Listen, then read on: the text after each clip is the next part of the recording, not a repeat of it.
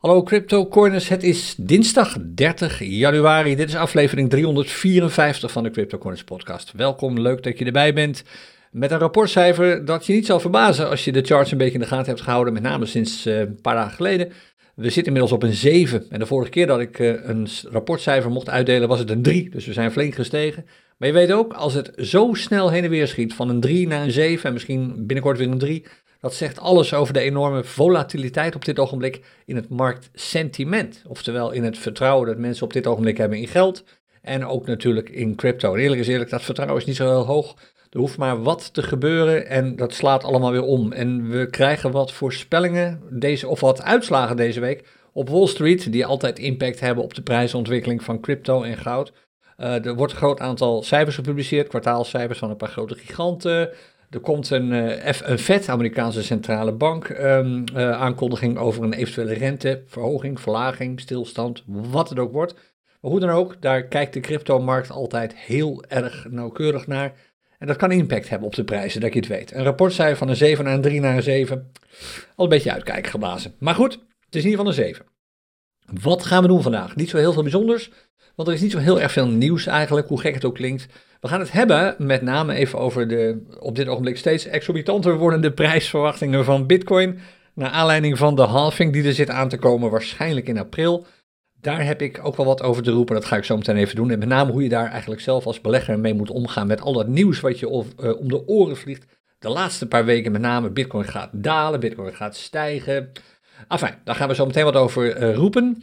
Uh, voordat we dat doen, even wat nieuws van onszelf, uh, van CryptoCoiners. Allereerst, um, de Money Professionals podcast op Patreon komt er weer aan. Twee afleveringen binnen twee weken tijd. Geen wonder, want ik moest even wat inhalen. volgens mij aanstaande vrijdag, 2 februari, is het weer zover. De vorige aflevering, want dit is een soort tweeluik. De vorige aflevering van de Money Professionals podcast, die ging met name over productiviteit. Die is ingeslagen als een bom. Dat had ik eerlijk gezegd niet verwacht. Misschien een beetje naïef, maar er heel veel reacties op gekomen. En aanstaande vrijdag sluiten we dat thema af. Dus als jij een patron bent, oftewel als je ons volgt op ons Patreon-platform, bereik je er maar voor op de podcast van uh, aanstaande vrijdag, de Money Professionals podcast. Dan hebben we vanavond, of niet wij, maar Kevan heeft vanavond, dinsdag de 30e dus, een terugkomstsessie of eigenlijk een vraag- en antwoordsessie. Dat heet natuurlijk tegenwoordig Q&A. Een Q&A-sessie van de masterclass Advanced Swing Trading. Dat is de strategie die Kevan gebruikt voor zijn trades in onder andere de Crypto Corners Challenge. Ook voor trades die hij zelf doet natuurlijk, maar ook voor de Crypto Corners Challenge. En wat die challenge betreft, nou je weet het waarschijnlijk, gisteren hebben we een livestream gedaan, onze Crypto Corners Challenge Roundup. Dat doen we zo gauw er wat nieuws te melden is, meestal één keer in de twee weken. En tijdens die uh, roundup heb ik aangekondigd dat ik vanaf nu um, uh, eigenlijk een soort anything goes um, uh, principe hanteren. Dat geldt dus ook voor Kevan. Oftewel, we kiezen gewoon elke strategie die ons op dat ogenblik het beste aanspreekt. Voor mij is dat nu de CryptoCoiners day trading strategie. En daar zijn de eerste reacties al op binnengekomen. We nemen deze podcast trouwens live op. Er zit nu publiek hier in onze virtuele studio. Bijna 100 mensen zijn hier. En ik zag net al wat vragen binnenkomen over die bewuste strategie. Die ga ik straks nog even beantwoorden hier aan het publiek. En de kans is vrij groot dat er eernaast nog een livestream verschijnt. Speciaal over mijn manier van charten wil ik het niet noemen, maar eerder traden met deze strategie voor de Crypto Corners Challenge. Zo niet zo heel spannend. Als je de CryptoCoins day trading strategie kent, omdat je die misschien ooit als eerste bent gaan gebruiken toen je ook begon met traden, dan komen heel veel dingen je bekend voor. Ik heb een paar kleine aanpassingen gedaan, met name als het gaat om het uitstappen uit, uit zo'n trade. Maar daar komen natuurlijk vragen over. En ook over wat de scanner voor een rol hierin kan spelen, hoe die je kan helpen, enzovoort, enzovoort. Kortom, daar komt nog een aparte video of livestream over. En ik pak zo, voor de mensen die er nu bij zijn in de studio, zo meteen nog even wat vragen op. Dan uh, volgende week, nee niet volgende week, uh, dat is nog anderhalf week weg, maar ik roep het nu alvast even. Op 12 februari is er weer een livestream van Daan en Vivi, Crypto Corners Connect. Uh, waarin een hele interessante aankondiging komt, met name voor jou als je lid bent van de Crypto Corners community. Dat ben je waarschijnlijk als je wel eens bij onze chatgroepen komt, of misschien op Discord of op Facebook. dan wil je maandag 12 februari niet missen. Zet die datum alvast even in je agenda. En nog heel even terugkomen op vanavond, dan is er dus een Q&A van uh, Kevan en die gaat over zijn masterclass swing trading. Uh, die begint vrij vroeg volgens mij, om 7 uur al. Maar als je die masterclass volgt of hebt gevolgd, dan zie je nu ook, je hebt op het begin een mailtje gehad van ons, dat, die, aankondiging, met de aankondiging voor vanavond. En je vindt die link naar de bijeenkomst van vanavond ook terug op je masterclass pagina zelf. Um, dan nog heel even over gisteren. Uh, Altrady, uh, je weet het, we zijn druk bezig met de challenge. En waar Kevan gisteren als een speer ging met een fantastisch mooie trade die hem volgens mij 3-4% portfolio winst opleverde, bleef ik maar worstelen. Dat was ook zichtbaar in een speciale livestream die ik gisteren heb gedaan. En uh, niets werkte meer zoals het hoorde te werken in Altrady. En er is natuurlijk wat heen en weer geschreven tussen Altrady en mijzelf. En in eerste instantie zei Altrady, nou het probleem ligt echt niet bij ons, het, het, gebeurt alleen bij jou. Daar kwamen ze wel een klein beetje op terug en dat druk ik me nog voorzichtig uit, want dit bleek wel degelijk een probleem bij Altrady te zijn. En het kan ook zijn dat jij daar last van hebt gehad, want een aantal accounts bij Altrady hadden last van een hele specifieke blokkade door Bybit van een bepaald IP-adres dat Altrady gebruikt. En die IP-blokkade die schijnt nu te zijn opgeheven of ze gaan hem opheffen bij Bybit. Daar zijn ze bij Altrader nu omheen aan het werken. Dus de problemen die ik gisteren had, die zijn min of meer van tafel. Maar het blijft wel zo, daar moeten we open en eerlijk over zijn, hoe goed Altrader ook is als trading tool. Er zijn wel wat hiccups af en toe. En dat betekent dat je wat vaker dan je vroeger misschien moest doen, moet resynchroniseren, wie dat woord ooit bedacht heeft. Als een chart niet wordt bijgewerkt of als positieinformatie niet wordt bijgewerkt. Dit is een bekend probleem. Als je Altrady al wat langer gebruikt, dan weet je dat dit speelt. Ik heb van Altrady de bevestiging gekregen dat ze hier mee aan het werk zijn of druk mee bezig zijn. En ze verwachten, volgens mij nog wel een aantal weken, vier tot zes weken uit mijn hoofd, verwachten ze dit probleem definitief te hebben opgelost. Tot die tijd gewoon blijven resynchroniseren. En als je gisteren veel problemen had, die zijn inmiddels opgelost. Bij mij gelukkig ook. Ik zit op dit ogenblik trouwens, terwijl we dit opnemen, is het uh, tien over elf ochtends. Ik zit op dit ogenblik in een all-trady trade. Uh, in een trade volgens de CryptoCoiners um, uh, daytrading strategie voor de challenge. Het kan zijn dat je straks een belletje hoort. Dat betekent dat Altrady meldt dat er iets gebeurd is. Er is dan waarschijnlijk wat verkocht, want ik zit in een zogenaamde long trade. Verder niet zo spannend voor deze podcast. Uh, dan uh, ook één ding om misschien uh, leuk even te vertellen. Ik was gisteravond zelf ook nog even op bezoek bij um, onder andere bij Octavie, die gisteren live was. en tijdens de hoe noemen ze dat? Volgens mij live traden gewoon. Op onze Discord server, de samen traden Discord server. Dat doen ze met een aantal mensen. En ik was gisteren, ik had de eer om er ook even bij te mogen zijn. Ze waren live aan het traden, met z'n tweeën trouwens. Uh, op, uh, de een op Binance, de andere op volgens mij Qcoin of Bybit, dat ben ik even vergeten. Zaten tegelijkertijd in dezelfde trade. En dat werd ook gedeeld. Je ziet die schermen in beeld. Dus als je nog niet genoeg hebt aan alle live trades die je langs ziet komen in bijvoorbeeld het café en in het clubhuis. En soms tijdens spontane livestreams, zoals die van Kevan afgelopen zondag. Kun je altijd nog terecht elke maandagavond in het um, CryptoCoiners, uh, of op de CryptoCoiners Discord server www.cryptocoiners.nl slash samen traden. Oké, tot zover even nu. Uh, oh ja, nog even, wat gaan we deze week verder nog doen? Morgenavond café om half acht. Met Hypertrader, nog steeds. Daar, ik heb morgen waarschijnlijk nieuws over Hypertrader trouwens. Uh, nieuws dat nog niet bekend is. Uh, over Hypertrader 3.0. Dat komt morgenavond om half acht, als dat allemaal lukt. Dan, ja, dat was het eigenlijk. Oh nee, donderdagavond natuurlijk CryptoCoins Café. Um, oh, sorry, morgenavond CryptoCoins Café. Donderdagavond CryptoCoins Clubhuis. En aanstaande zaterdag, 3 februari, geeft Tjerk een live clinic en die heet Werken aan Financiële Onafhankelijkheid. Daar kun je je ook nog voor inschrijven. Oké, dat was het wat het interne verhaal betreft, toch meer dan ik dacht. Even wat extern nieuws. Um, niet zo heel veel, ja, los van de prijsontwikkeling, maar dat is eigenlijk geen nieuws. Bovendien, dat wist je eigenlijk al als je de charts erbij hebt gepakt. We hebben er vorige week uitgebreid over gesproken. Je zult zien dat veel van de dingen die we vorige week hebben verwacht ook daadwerkelijk zijn uitgekomen. Maar wat je merkt, als je kijkt naar de macro's, zoals het zo mooi heet, de, achtergrond, eh, de achtergronden van die prijsontwikkeling. Een van de dingen die heel duidelijk is, is dat de belangstelling voor die Bitcoin-ETF's, waar eerst nogal wat ja, negatief over werd gedaan, van nou, niet iedereen wil die dingen hebben, het stelt allemaal wat teleur, enzovoort, enzovoort is allemaal helemaal niks van waar. De belangstelling voor die Bitcoin-ETF's neemt alleen maar toe. De inflow, zoals het heet, dus de hoeveelheid geld die in die ETF's vloeit, is groter dan de hoeveelheid geld die eruit vloeit. En dat is een extreem bullish teken. Het betekent gewoon dat de grote beleggers dit hebben opgepakt. De whales, die zitten vol in deze ETF's. En daar profiteren wij garnalen, want ja, dat is het tegenovergestelde van een whale in cryptoland. Een whale is iemand die uh, veel heeft en veel trade. En een garnaal is een, meestal de retail traders die met wat minder doen die profiteren daar alleen maar van. Dus dat is absoluut goed nieuws. Maar het schiet ook weer echt op dit ogenblik, de, ja, het gaat echt tot in de hemel als je kijkt naar die voorspellingen. Vorige week, toen de Bitcoin nog even, ja, min of meer, ik wil niet zeggen een dip, maar we hebben wel een behoorlijke low gezien natuurlijk vorige week met die 38.000 zone die gewoon weer bijna werd gehaald. Toen gingen alle voorspellingen weer van, nou, het is allemaal niks en het gaat, kan nog veel erger en de Bitcoin kan nog wel snel gaan dalen naar misschien wel 13.000 dollar. Dus houd daar vooral veel rekening mee, want de kans is groot dat dat gebeurt, enzovoort, enzovoort, enzovoort. En nu is het natuurlijk weer precies andersom. Eén, zwaluw maakt heel veel zomer in cryptoland. En er werd een fantastisch bericht gepost door de grote oprichter en baas van Skybridge. Skybridge is een van die partijen die je misschien niet eens kent, maar het is een best een grote club. Ze hebben ook een ETF en uh, een, een, Bitcoin ETF.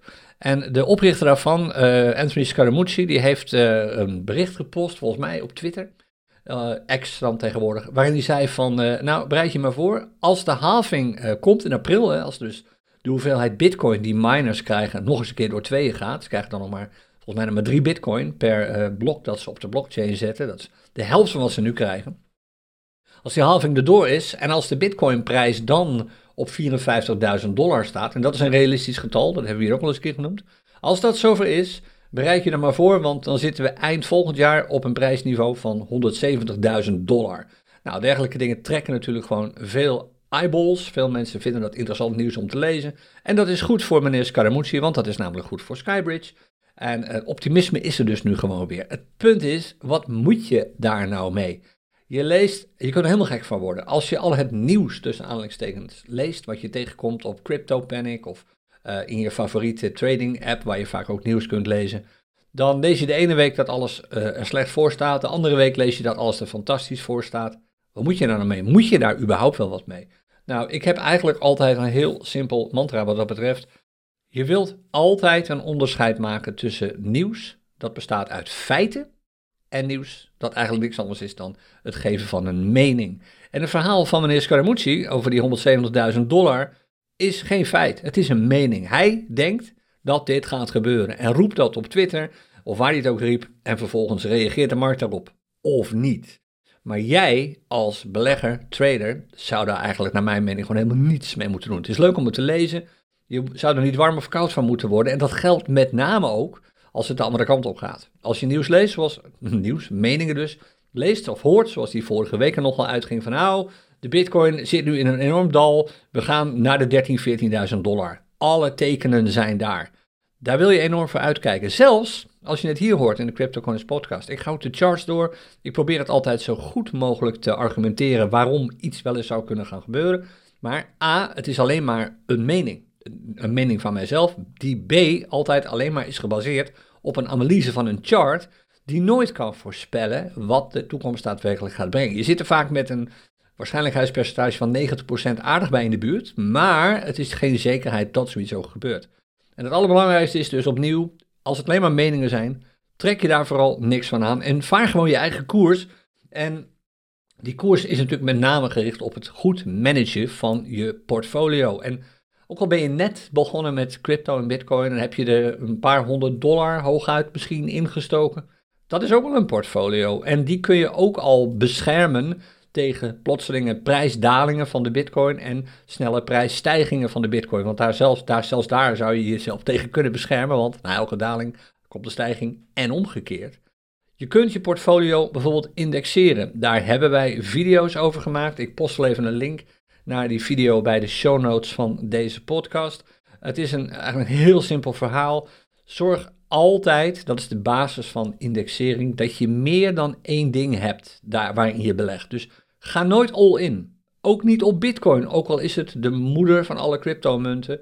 Als je een portfolio hebt met daar alleen maar Bitcoin in, is dat eigenlijk een onverantwoord groot risico. Tenzij, en nou komt het, je er geen enkel probleem mee hebt dat die portfolio naar nul gaat. Want dat is eigenlijk punt 3. Punt 1 eh, indexeren. Punt 2 nooit all in gaan. En punt 3 is, stel jezelf altijd weer die vraag. Stel dat de waarde van jouw belegging, van jouw portfolio, naar nul gaat.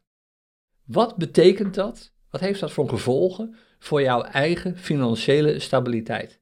Als iets dergelijks je zwaar in de problemen brengt, dan ben je, zoals dat zo mooi wordt genoemd, overgeïnvesteerd. Dan zit je met veel te veel geld in die portfolio en dan wil je zo snel mogelijk daar geld uithalen om in ieder geval ervoor zorgen dat je geen financieel risico loopt als die portfolio helemaal de verkeerde kant op gaat, naar nul.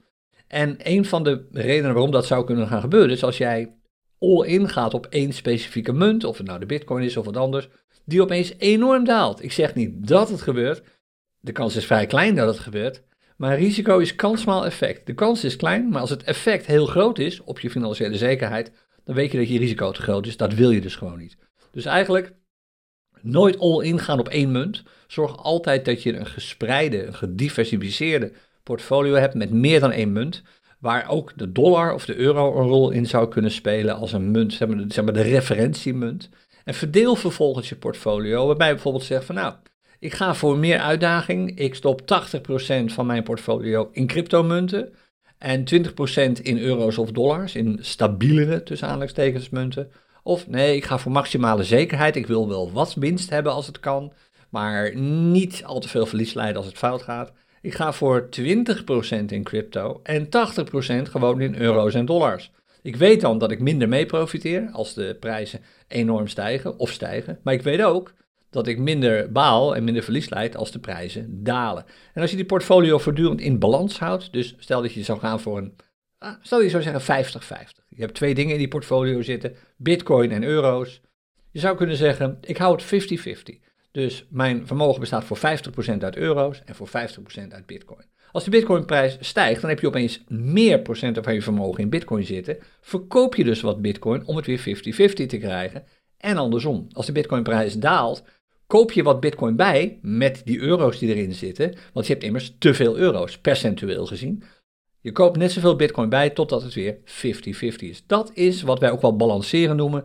Het um, uh, in balans houden van een portfolio, waarbij de beslissing om te kopen of te verkopen niet door jou wordt genomen omdat het zo voelt. Oh, de prijs van bitcoin stijgt nu, ik moet gaan kopen. Spoiler alert, dat moet je dus niet doen maar juist door cijfers, door keiharde procenten. En je wordt daar behoorlijk door en mee gemanipuleerd met die prijsstijgingen van Bitcoin en mogelijke beslissingen om te kopen. En ik zal een voorbeeld geven.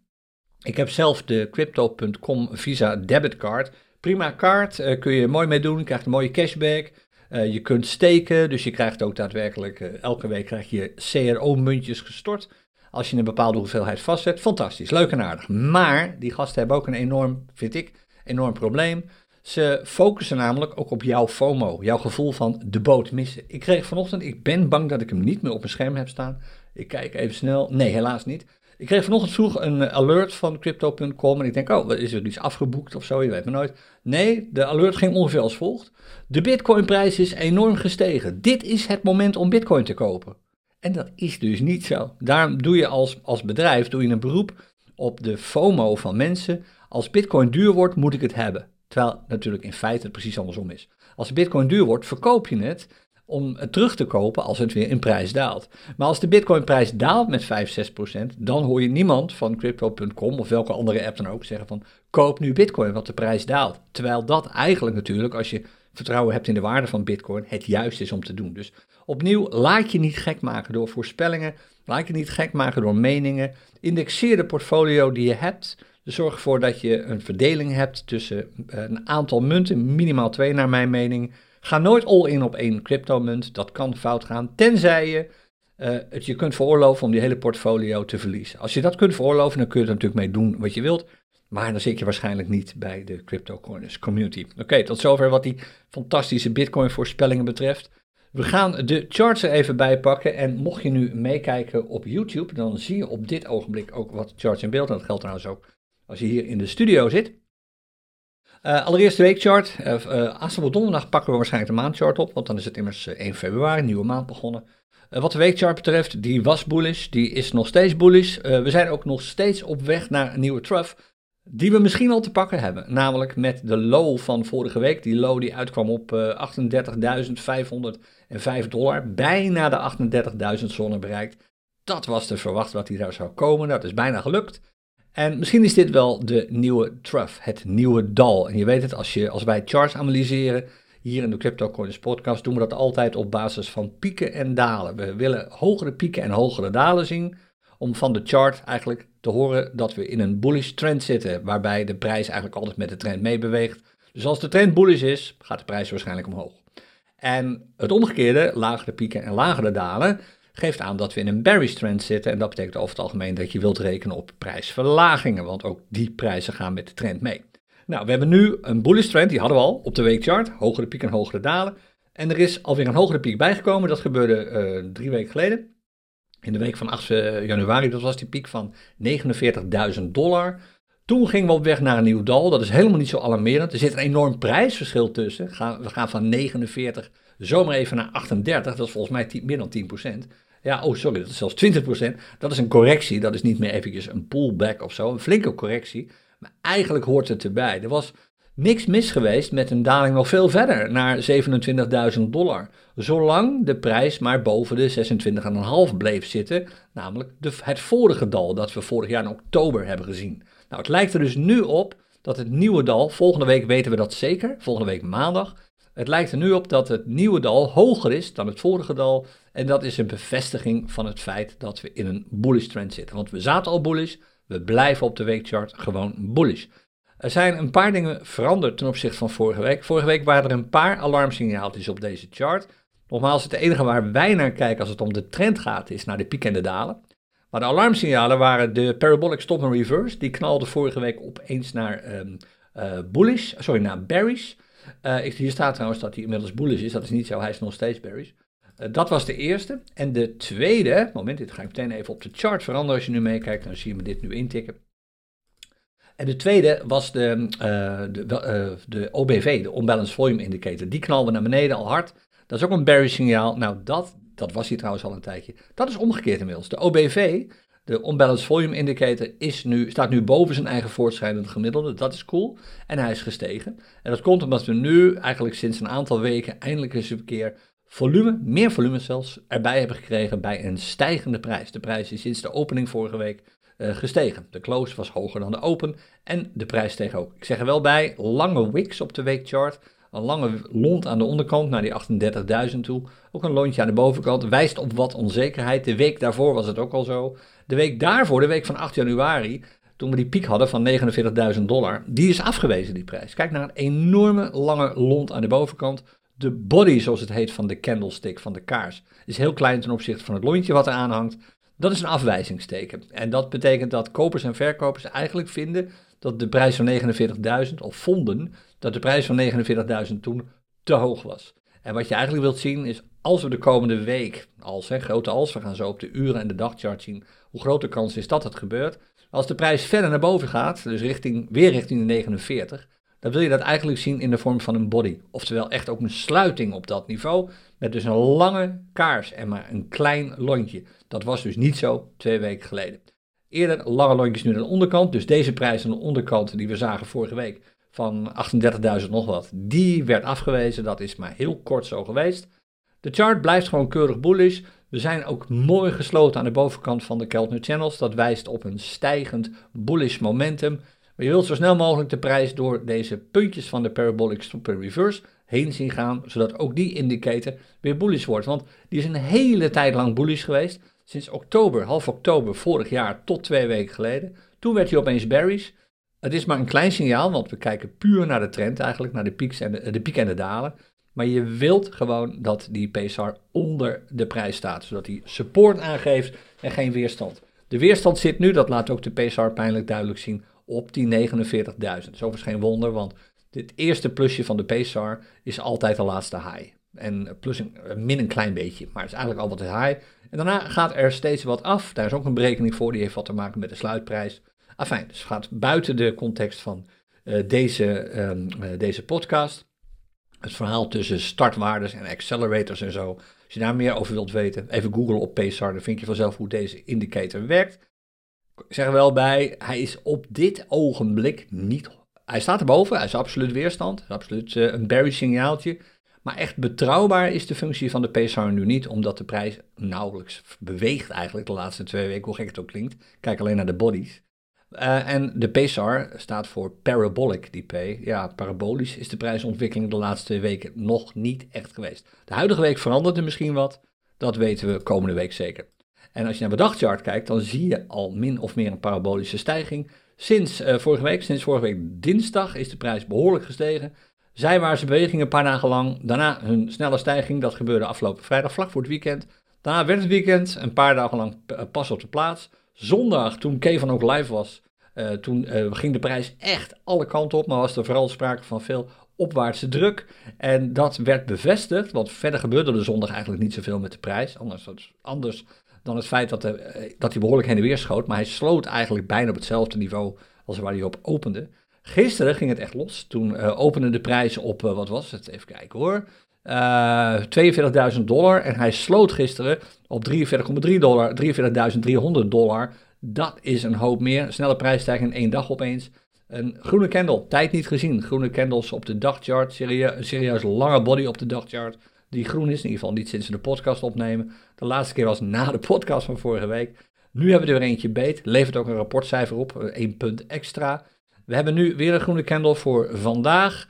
En we hebben een, reversal wat de parabolic stop and reverse betreft. Hier is hij dus al wel op de dagchart en die is zeer geldig. Uh, immers, we hebben echt stijgingen. De prijs beweegt zich niet meer zijwaarts. De PSAR staat nu weer onder de prijs. Dat is goed nieuws. De Unbalanced Volume Indicator was al bullish. Is hij eigenlijk best al wel lang. Al een week lang is die bullish. De dagchart zelf is nog bearish. We hebben inmiddels wel een nieuwe high. Die, was, is vandaag geklopt. Uh, vanochtend vroeg geloof ik was dat. We zien dat zo op de urenchart wel even terug. Uh, die is hoger dan de vorige. Voor de vorige moeten we geloof ik terug naar oktober of iets dergelijks. Nee, nee, dat was januari. Sorry, mei gewoon oktober. Dat was op de weekchart. Hier, zat de, hier zat de vorige op dit punt, 16 januari. Dat is de vorige en deze is net iets hoger die van vandaag. Het kan de nieuwe piek zijn. Of dat zo is, weten we pas over twee dagen. Want de candle van vandaag is nog niet klaar. We krijgen er morgen nog een candle bij. Als de prijs morgen niet over, door de 43,775 heen schiet, dan hebben we een nieuwe piek en gaan we op weg naar een nieuw dal. Als dat dal hoger ligt dan het vorige, en dat zit op 38.500, dan zijn we bullish op deze chart. We hebben dus het eerste signaal nu binnen, de higher high, nu nog een hoger dal, dan weten we zeker dat de trend is omgekeerd naar bullish. Nu is hij dus nog bearish en we hebben nog minimaal 3 à 4 dagen nodig voordat we een bullish dagchart hebben. Dat zou overigens goed nieuws zijn moet eerst nog wel even gebeuren. Veel zal afhangen van het nieuws dat deze week op Wall Street naar buiten komt. Uh, want daar reageren, zoals ik net al zei, de cryptomarkten gewoon op. Uh, de ontwikkeling op Wall Street, uh, cijfers van grote bedrijven. Apple komt deze week met cijfers, Microsoft komt met, met cijfers. Er is een hoop gerommel over AI op het ogenblik. Heeft met name te maken met Europa. wetgeving hier die zou kunnen worden aangepast. En wat sceptisch die begint te ontstaan over ChatGPT en privacy en noem maar op, dat soort dingen. Dat kan alles wat onder druk gaan zetten. Kan het sentiment wat doen omslaan bij aandeelhouders, dat naar mijn mening nog steeds veel te bullish is. Maar goed, daar hebben we het zo meteen wel even over. Maar daar kan de prijs van Bitcoin dus ook op reageren. Dus houd vooral het nieuws van woensdag in de gaten. Het woens, uh, wat nieuwscijfers die komen. En de, Fed die komt met, uh, met uh, een renteaankondiging. Niets, niemand weet op dit ogenblik wat er gaat gebeuren. De verwachting is dat het blijft zoals het nu is. En er komen volgens mij donderdag ook nog banencijfers naar buiten. Dat heeft ook altijd een lichte impact. Kort, maar toch een impact op de Bitcoinprijs. Dus er zou wel eens wat beweging kunnen komen. Houd daar rekening mee. Dan word je er in ieder geval, zoals gewoonlijk, niet door verrast. Dus Barry's nu nog, wordt misschien bullish. Lijkt het wel op, want dit is de kortere termijn chart, de urenchart die daarop vooruit loopt. En kijk, wat die urenchart betreft, vorige week, eh, toen ik afgelopen donderdag de podcast opnam, toen zaten we in deze beweging. Zijwaarts, en eigenlijk nauwelijks een afstand tussen de twee MA-lijnen, de MA20 en de MA50. En toen zei ik van nou eigenlijk, ik weet niet hoe ik dat vorige week uitdrukte, maar ik zei iets in de geest van, de prijs heeft eigenlijk wat stijgingen nodig naar de zone boven de 40.200 of zo. Dat was dit niveau wat ik toen zag. Deze, dit level daar zo. Daar zou de prijs eigenlijk structureel een paar candles boven moeten zitten voordat we echt overtuigend bullish kunnen worden op deze chart. We zijn misschien al wel bullish, maar echt overtuigend is het allemaal niet. En die prijsstijging kwam vrijdag, een dag na de podcast, precies een dag later. Vrijdag om 11 uur. Toen schoot de prijs opeens omhoog. En je ziet ook meteen die banden uit elkaar springen. De MA20 en de MA50 staan ver uit elkaar. En eigenlijk is dat zo gebleven. De prijs ging keurig boven. Uh, consolideert heel eventjes zaterdag, weer een dag later. Gaat daarna weer omhoog. Dit was de onrust van zondag natuurlijk, waar veel traders mee te maken kregen afgelopen zondag. Bitcoinprijs die stijgt, daalt, stijgt, daalt. Maar sinds gisteren is de opwaartse druk weer volledig aanwezig. En deze chart is Zo wil je hem eigenlijk hebben. Deze chart is gewoon gezond bullish. Niks exponentieels. Het ziet er allemaal gewoon prima uit. Hogere pieken, hogere dalen. En het lijkt, als je deze chart zo bekijkt, lijkt het erop dat het een kwestie van echt een paar dagen is voordat de dagchart ook omspringt naar bullish. En dan kun je je weer gaan richten op prijzen van Bitcoin richting de 49.000 dollar. Daar zit wel veel weerstand. Er zitten veel kopers klaar, of sorry, verkopers klaar, om daar hun winst te pakken. Zo in die zone tussen de 47 en de 49.000 dollar. Maar het is absoluut geen science fiction om nu te zeggen dat de prijs richting die 49 zou kunnen gaan. Ik zie dat absoluut gebeuren. Ik zie dat eerder gebeuren nu, als ik naar deze charts kijk, ook al is de dagchart nog bearish. Ik zie dat eerder gebeuren dan dat de prijs nu opeens terugtankt naar de 38k. Terwijl de, tenzij de morgen op Wall Street iets heel dramatisch wordt gepost. Apple die opeens 200 eh, miljoen verlies heeft gemaakt of zo. Dat zou of 200 miljard verlies heeft gemaakt. Dat is nog steeds een klein deel van hun beurswaarde. Dat zou me echt zo wazen dat zoiets komt. Dus ik reken eerder op grote prijsstijgingen dan prijsdalingen. Dat vertrouwen in aandelen zie je terug nog steeds op de goudprijs.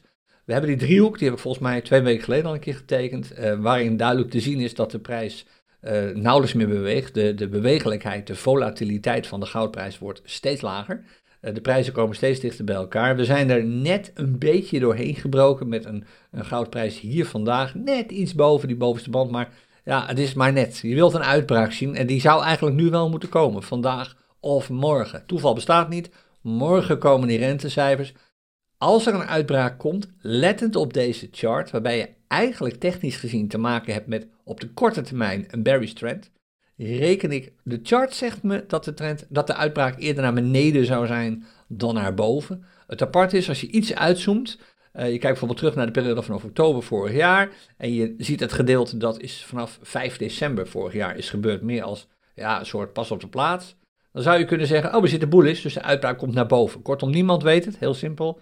Ik denk dat de kans dat we naar beneden gaan iets groter is dan de kans dat we snel naar boven gaan met de goudprijs. Ook lettend wat er op Wall Street gebeurt natuurlijk. Maar morgen, de cijfers op Wall Street en donderdag gaat impact hebben op die prijsbeweging van goud. Dus houd het in de gaten. Het zijn hoe dan ook mooie momenten om te traden natuurlijk. Kijk, je ziet pieken en dalen voor die goudprijs. Je ziet een piek nu, eigenlijk de vorige serieuze piek, zit rond het niveau van 2062 dollar. Dat is, als de prijs daar in de buurt komt, is een mooi moment om short te gaan, een short positie te nemen. Want dat is een, daar zit een, eh, een weerstandsniveau. En uh, de stoploss zet je boven de piek daarvoor. En die zit op uh, eh, 28 december 2080 dollar ongeveer. Even heel snel. Oké, dit kan weg. Dit is ook niet spannend. Barron's nieuws kunnen we ook vergeten. We gaan even naar de angst- en hebzuchtindex op Wall Street. Die is gestegen, 78 in plaats van, wat hadden we vorige week, 76 geloof ik. Extreme hebzucht. Heel interessant, want uh, nogmaals, uh, er komen veel cijfers aan die niet per definitie heel positief zijn. Uh, we gaan rustig afwachten wat dat doet met die index, die naar mijn mening dus volledig gebubbeld is. er kwam nog wat vervelend nieuws naar buiten, dat aandeelhouders volgens mij nog niet hadden gehoord, over China, met name Evergrande. Dat is die enorme onroerend goedmoloch die daar zit. Nou, die valt om. Dat was hij al, technisch was dat bedrijf al lang failliet. Maar inmiddels uh, moet dat bedrijf worden ontmanteld. En dat betekent dus dat het wordt opgesplitst in allemaal hele kleine bedrijfjes. Die waarschijnlijk voor een groot deel eigendom worden van de Chinese staat. Ja, en dan hangt het er maar net vanaf hoe goed ze dat allemaal onder het tapijt, tapijt kunnen vegen. Want dit heeft natuurlijk economische impact. Evergrande is een drama geworden. Ook in Amerika loopt de behoefte aan uh, commercieel onroerend goed heel snel terug. Net als in Amerika, zei ik Amerika, ook in China bedoel ik, loopt die behoefte heel snel terug. Net als in Amerika, daar gebeurt hetzelfde. En dat gaan we in Amerika merken, maar dat zei ik vorige week al, aan het omvallen van banken.